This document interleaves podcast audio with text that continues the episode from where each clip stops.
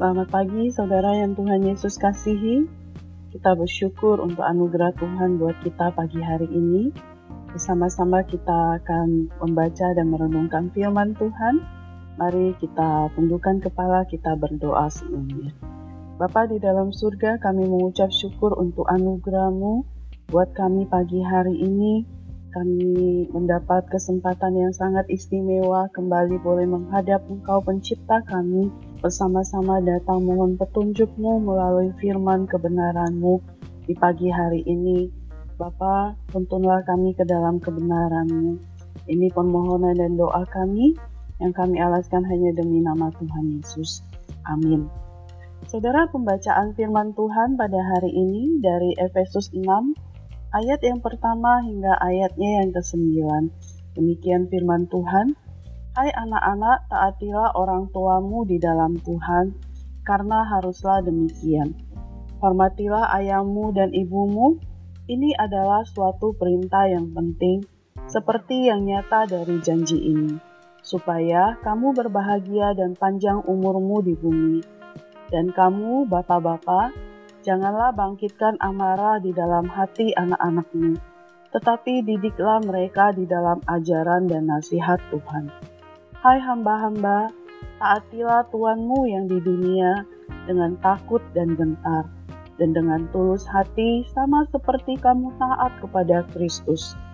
Jangan hanya di hadapan mereka saja untuk menyenangkan hati orang, tetapi sebagai hamba-hamba Kristus yang dengan segenap hati melakukan kehendak Allah. Dan yang dengan rela menjalankan pelayanannya seperti orang-orang yang melayani Tuhan dan bukan manusia. Kamu tahu bahwa setiap orang, baik hamba maupun orang merdeka, kalau ia telah berbuat sesuatu yang baik, ia akan menerima balasannya dari Tuhan. Dan kamu, tuan-tuan, berbuatlah demikian juga terhadap mereka, dan jauhkanlah ancaman.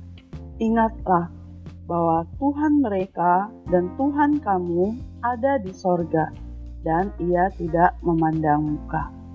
Sampai sejauh demikian pembacaan firman Tuhan.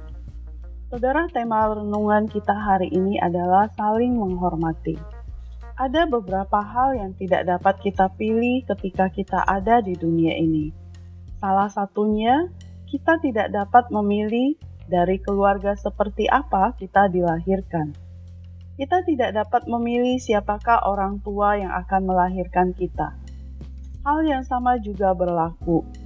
Orang tua tidak dapat memilih anak seperti apakah yang akan mereka besarkan. Semua ada dalam pengaturan Tuhan. Namun, satu hal yang kita percayai bahwa ketika Allah menempatkan orang tua dan anak dalam sebuah keluarga, Allah mempunyai tujuan dan rencana dalam kehidupan mereka. Karena itu, harus dibangun sebuah sikap yang saling mengasihi dan menghormati di antara anggota keluarga. Orang tua adalah wakil Allah di dunia. Itu artinya orang tua perlu untuk mendapatkan hormat anak sebagaimana ia menghormati Allah. Sikap seorang anak yang benar adalah ketika ia menunjukkan hormat kepada orang tuanya dalam berbagai hal. Misalnya, mendengarkan perkataan orang tuanya, melakukan perintahnya, menunjukkan bakti kepada mereka.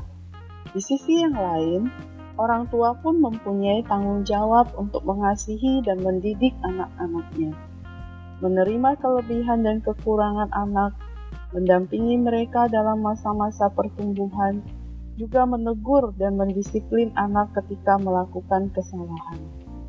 Sikap saling mengasihi dan menghormati ini perlu terus dilakukan dan dikembangkan. Hal ini akan menjadi dasar yang kokoh dalam sebuah relasi keluarga. Bagaimana dengan kita? Apakah kita berperan sebagai orang tua atau sebagai anak? Apakah kita sudah menunjukkan sikap yang mengasihi dan menghormati? Ingatlah, Mengasihi dan mengampuni adalah karakter yang harus terus dibangun dalam hidup anak-anak Tuhan. Mari kita berdoa. Bapa di dalam surga, terima kasih untuk kebenaran firman-Mu yang kami belajar di pagi hari ini. Tuhan sudah ingatkan dalam peran kami masing-masing di tengah-tengah kehidupan kami, di lingkungan kerja kami, di lingkungan kami sekolah. Tuhan tolong supaya kami saling mengasihi dan menghormati, terlebih lagi ketika kami ada di dalam keluarga kami sebagai anak, kami sebagai orang tua, dapat menjalankan setiap peran kami dengan baik. Nama Tuhan dipermuliakan. Pimpin sertai kami hari ini, kiranya berkat sukacita, kekuatan, kesehatan, dan hikmat dari Tuhan menyertai setiap kami. Demi nama Tuhan Yesus kami sudah berdoa. Amin. Bersama Yesus, aku bisa.